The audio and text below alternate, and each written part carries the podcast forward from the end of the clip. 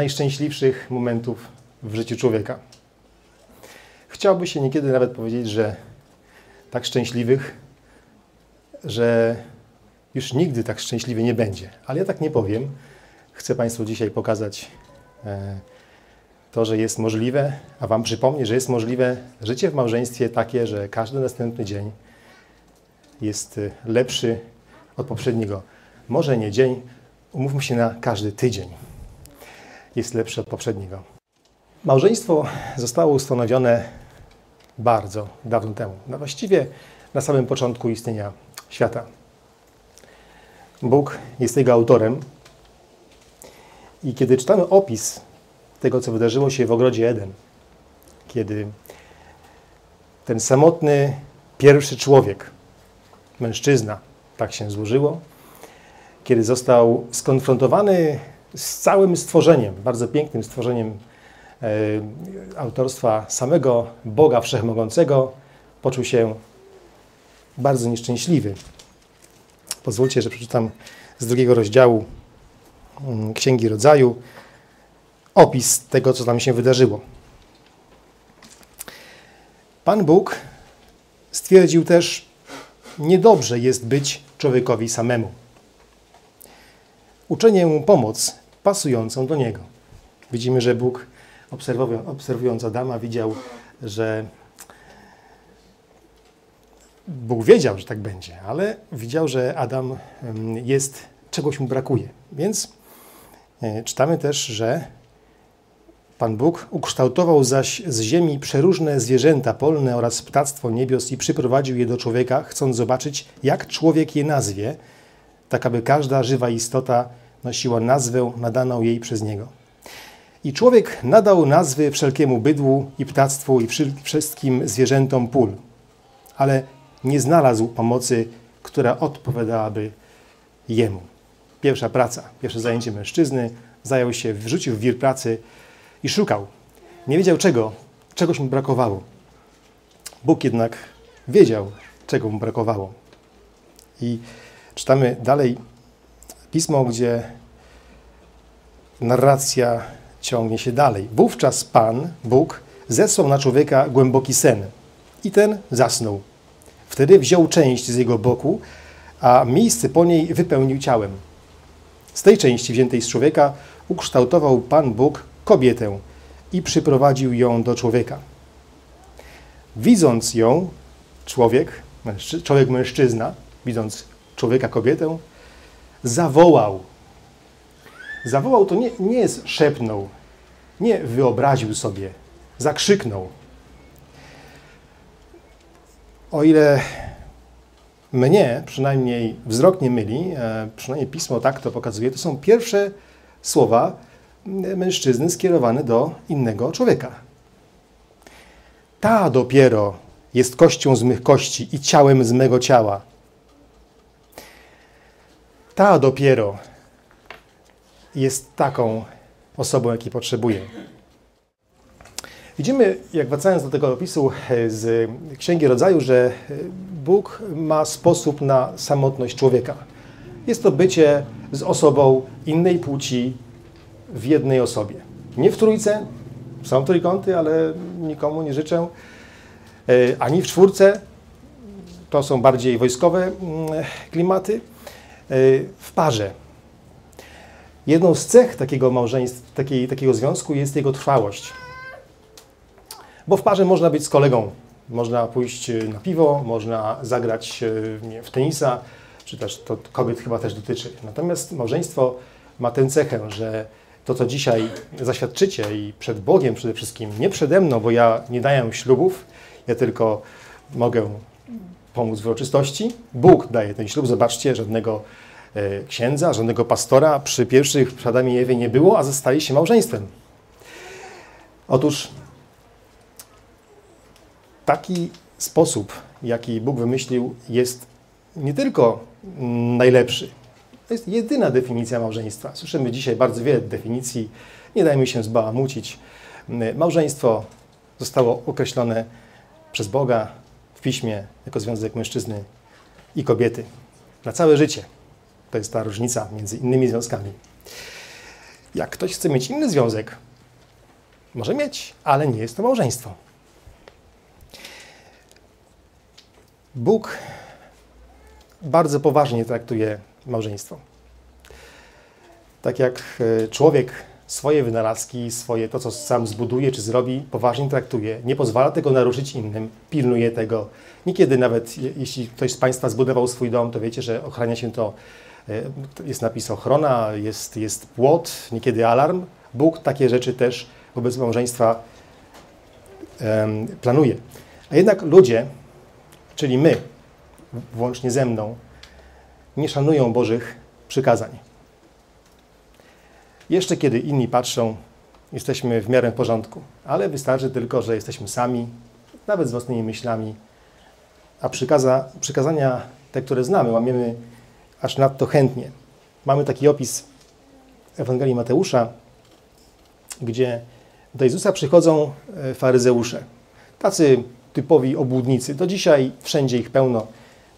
Tak samo zachowują się, zachęcam do opisów biblijnych, tak samo, mm, tak samo myślą, to samo czynią. I czytamy tak. Przybyli również faryzeusze. Chcąc go wystawić na próbę, zapytali, czy wolno mężowi rozwieść się z żoną z każdego powodu? Widzicie Państwo? To już nie z poważnego powodu. Tym facetom przed 2000, przed 2000 lat chodziło o to samo, co wielu z dzisiejszych.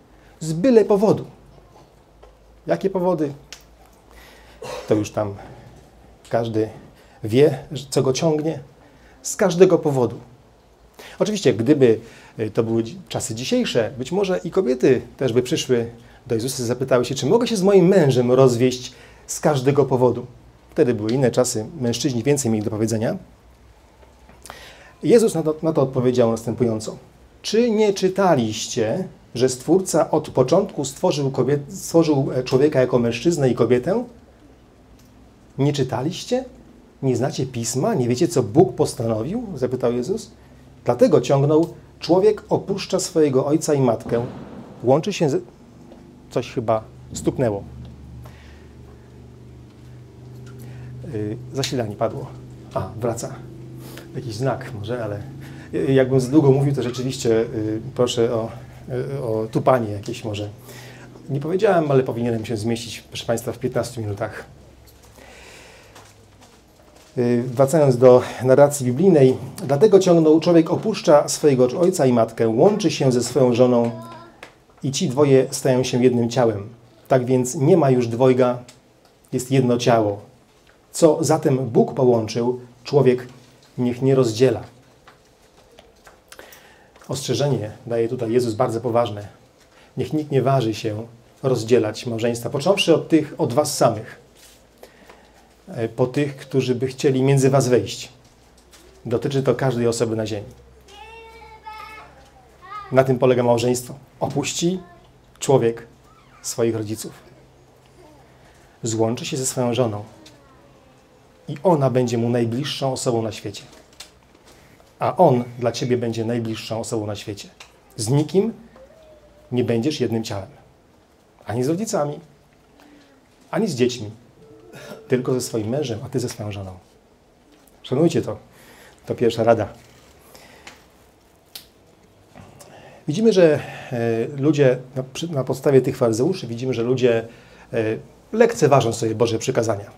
Ludzie, czyli my, może, może mogę spokojnie powiedzieć, mamy tendencję do lekceważenia sobie Bożych przykazań. Jezus, do którego często się odwołujemy, co prawda łamiemy te Boże przykazania, ale każdy z nas przyznałby się, no, chciałoby się być kiedyś z Bogiem. Myślimy o śmierci, myślimy o, o tym, co nas czeka w wieczności nie będę robił testu, założę się, że każdy z Państwa, nawet jeśli w Boga, Jego istnienie nie bardzo wierzy, chciałby być w jakimś lepszym miejscu niż tutaj. Tak było tak i w, przeszłości. Czytamy, i to jest w Ewangelii e, Łukasza, e, opis takiej historii. Na te słowa Jezusa wcześniejsze, jeden z obecnych przy stole zwrócił się do Jezusa. Szczęśliwy każdy, kto będzie jadł chleb w Królestwie Bożym. Ten człowiek bardzo chciał być w niebie. Jezus mu odpowiedział. Pewien człowiek przygotował przygotowywał wielkie przyjęcie. W związku z tym zaprosił wielu ludzi. Coś wam to przypomina, mam nadzieję. Gdy wszystko było gotowe, posłał swego sługę, by powiadomił zaproszonych: Możecie się już schodzić, stół zastawiony. To prawda? Wtedy wszyscy po kolei zaczęli się wymawiać. Pierwszy powiedział: Właśnie kupiłem pole i muszę dokonać oględzin. Przepraszam, lecz jak sam widzisz, nie mogę przyjść. Drugi powiedział: Kupiłem pięć par bydląt zaprzęgowych i właśnie idę je wypróbować. Przepraszam, lecz jak sam widzisz, nie mogę przyjść. Kolejny powiedział: Dopiero co się ożeniłem. Dlatego nie przyjdę. Po powrocie sługa zawiadomił o tym swego pana. Tym panem oczywiście w historii jest jakiś człowiek, ale z kontekstu domyślamy się, że Jezus mówi tu o Bogu Ojcu. Bóg Ojciec wzywa ludzi do tego, żeby przyszli do Niego w czasie, który On wybiera i na Jego warunkach. I mamy ludzi takich jak my. Nie mogę, bo właśnie kupiłem dom. Nie mogę, bo właśnie kupiłem nowy samochód. Te woły, myślę, że tak można. I nie mogę, bo siedzi obok mnie piękna dziewczyna, moja żona. Nie mogę się nią nacieszyć i, chyba, i nie zamienię jej nawet na najlepszą imprezę.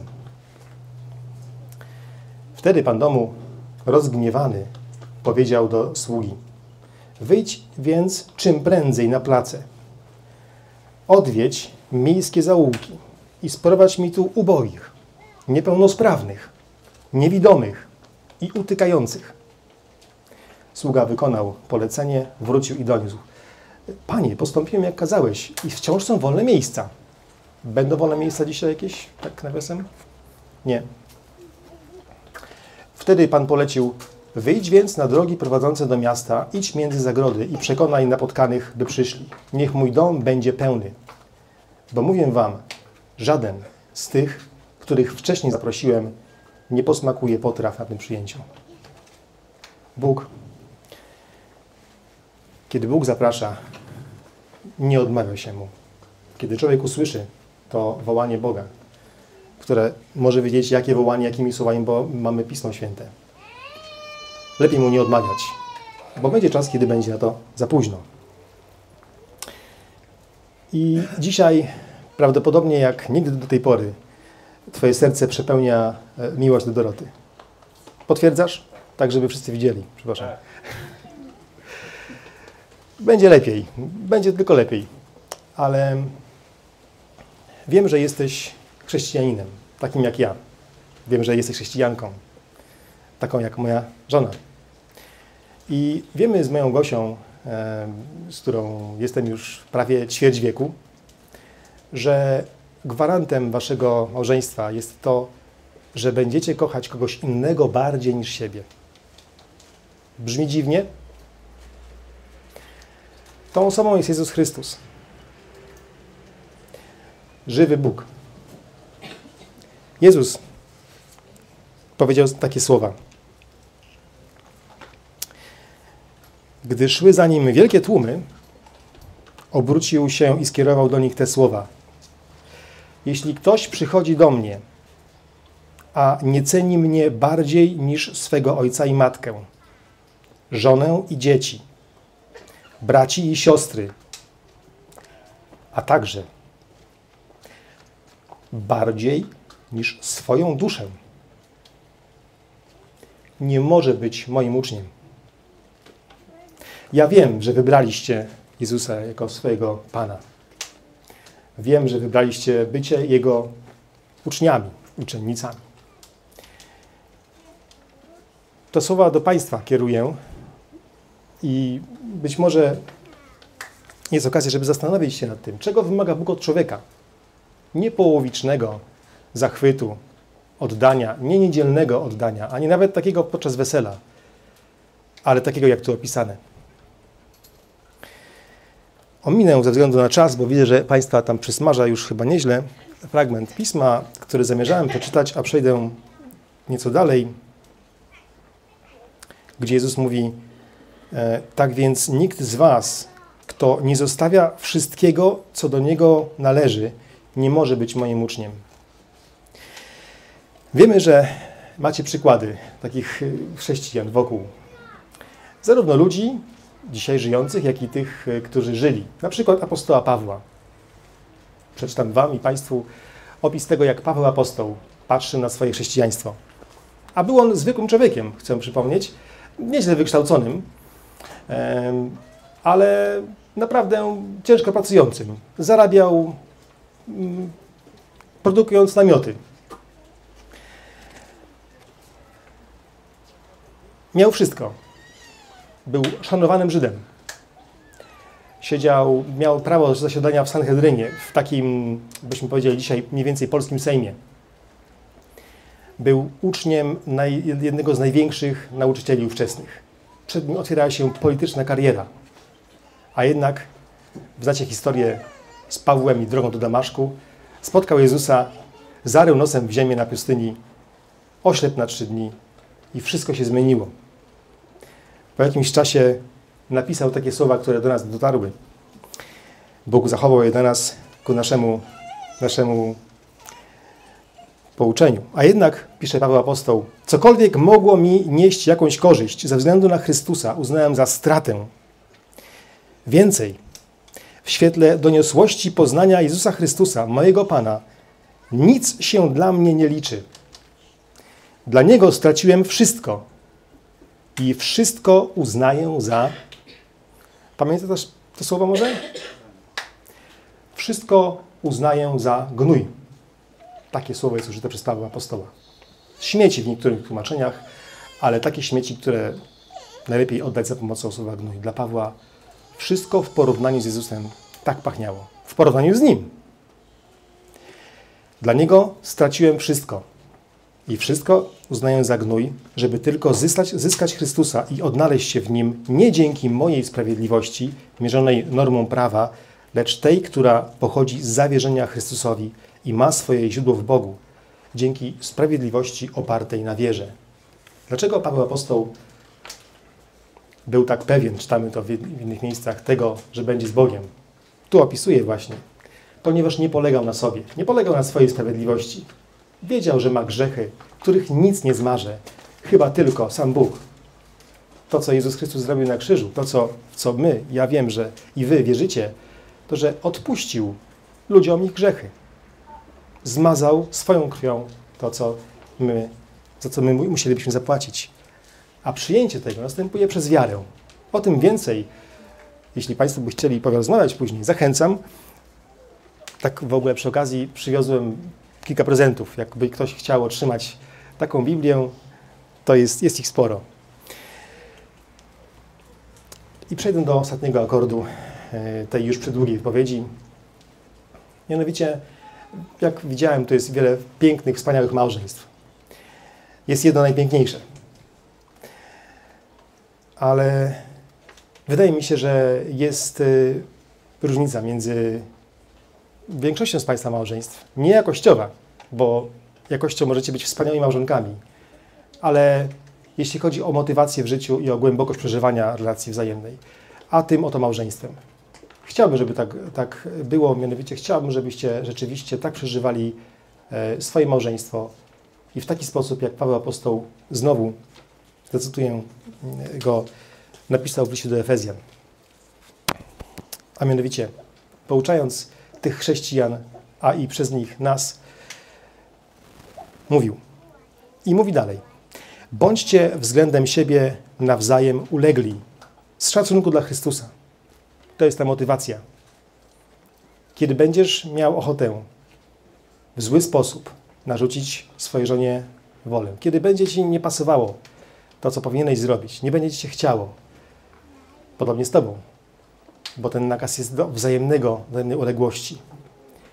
Pamiętajcie, macie być ulegli wzajemnie, ustępować sobie nawzajem.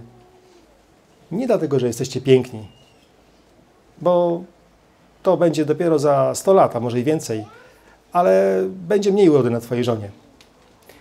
Podobnie ten przystojniak nabędzie różnych kształtów i e, już tak nie będzie płaski w niektórych miejscach.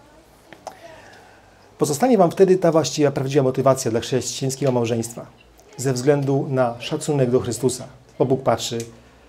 Jesteście Jego uczniami, od Niego się uczycie. On pokazał, jak służyć innym. On umywał brudasom z ulicy e, nogi. E, tak i my powinniśmy robić. I dalej Paweł, Paweł Apostoł ciągnie. Żony, pisze do nich, ulegajcie swym mężom jak Panu, bo mąż jest głową żony, tak jak Chrystus głową Kościoła. On jest zbawcą ciała. To też jak, Chryst, jak Kościół ulega Chrystusowi, żony, niech to czynią względem mężów we wszystkim. Znasz te słowa, Doroto? Wiesz, że to jest ciężka sprawa? Jeszcze nie wiesz. Mężowie natomiast, kochajcie swoje żony tak, jak Chrystus ukochał Kościół.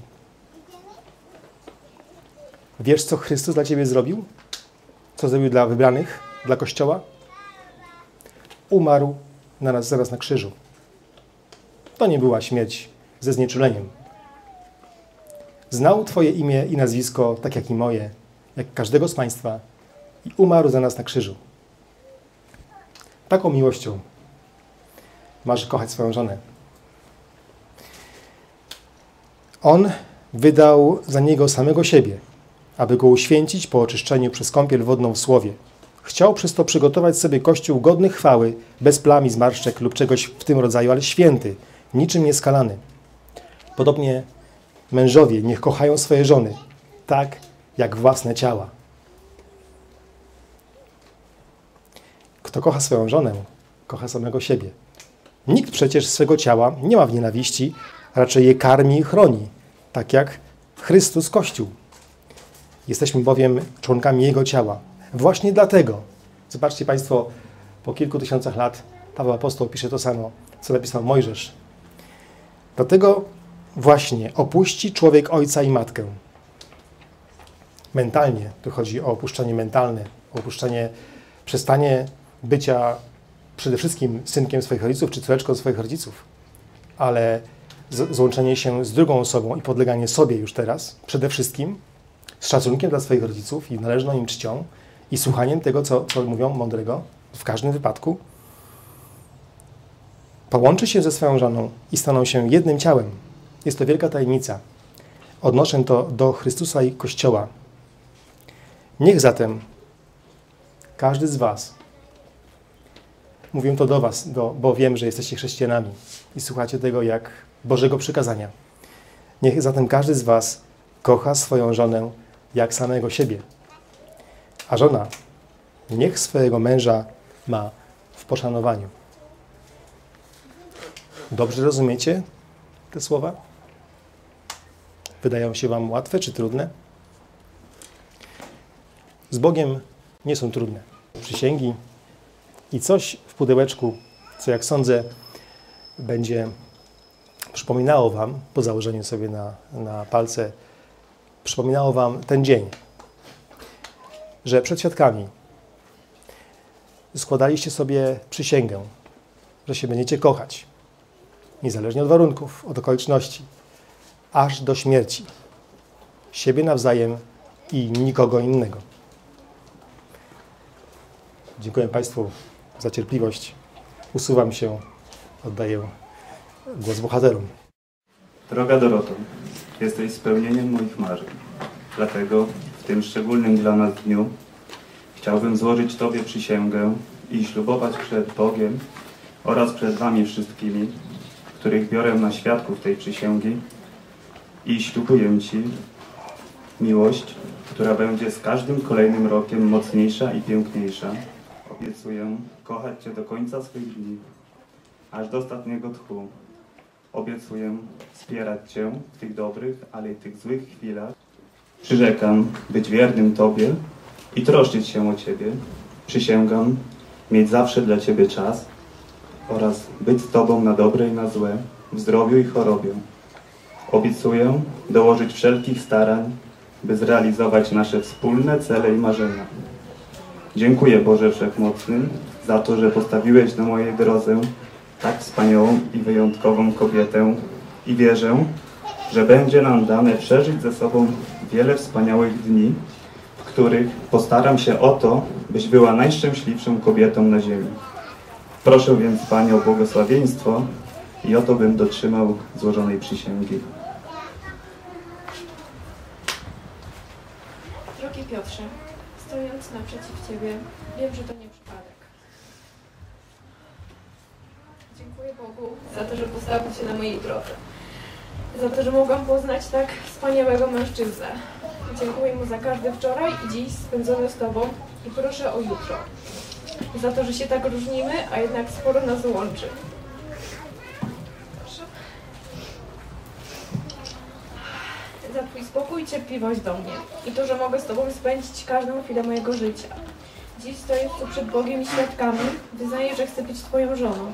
Obiecuję wspierać Cię w dobrych i złych chwilach, chwilach być wierną i uległą. Pragnę być dla Ciebie najwspanialszą żoną, przyjaciółką, Twoim najlepszym doradcą. Dołożę wszelkich starań i będę ciężko pracować na nasze wspólne plany i marzenia. Ślubuję Ci miłość i szacunek, że Cię nigdy nie opuszczę. Tak mi dopomóż Bóg.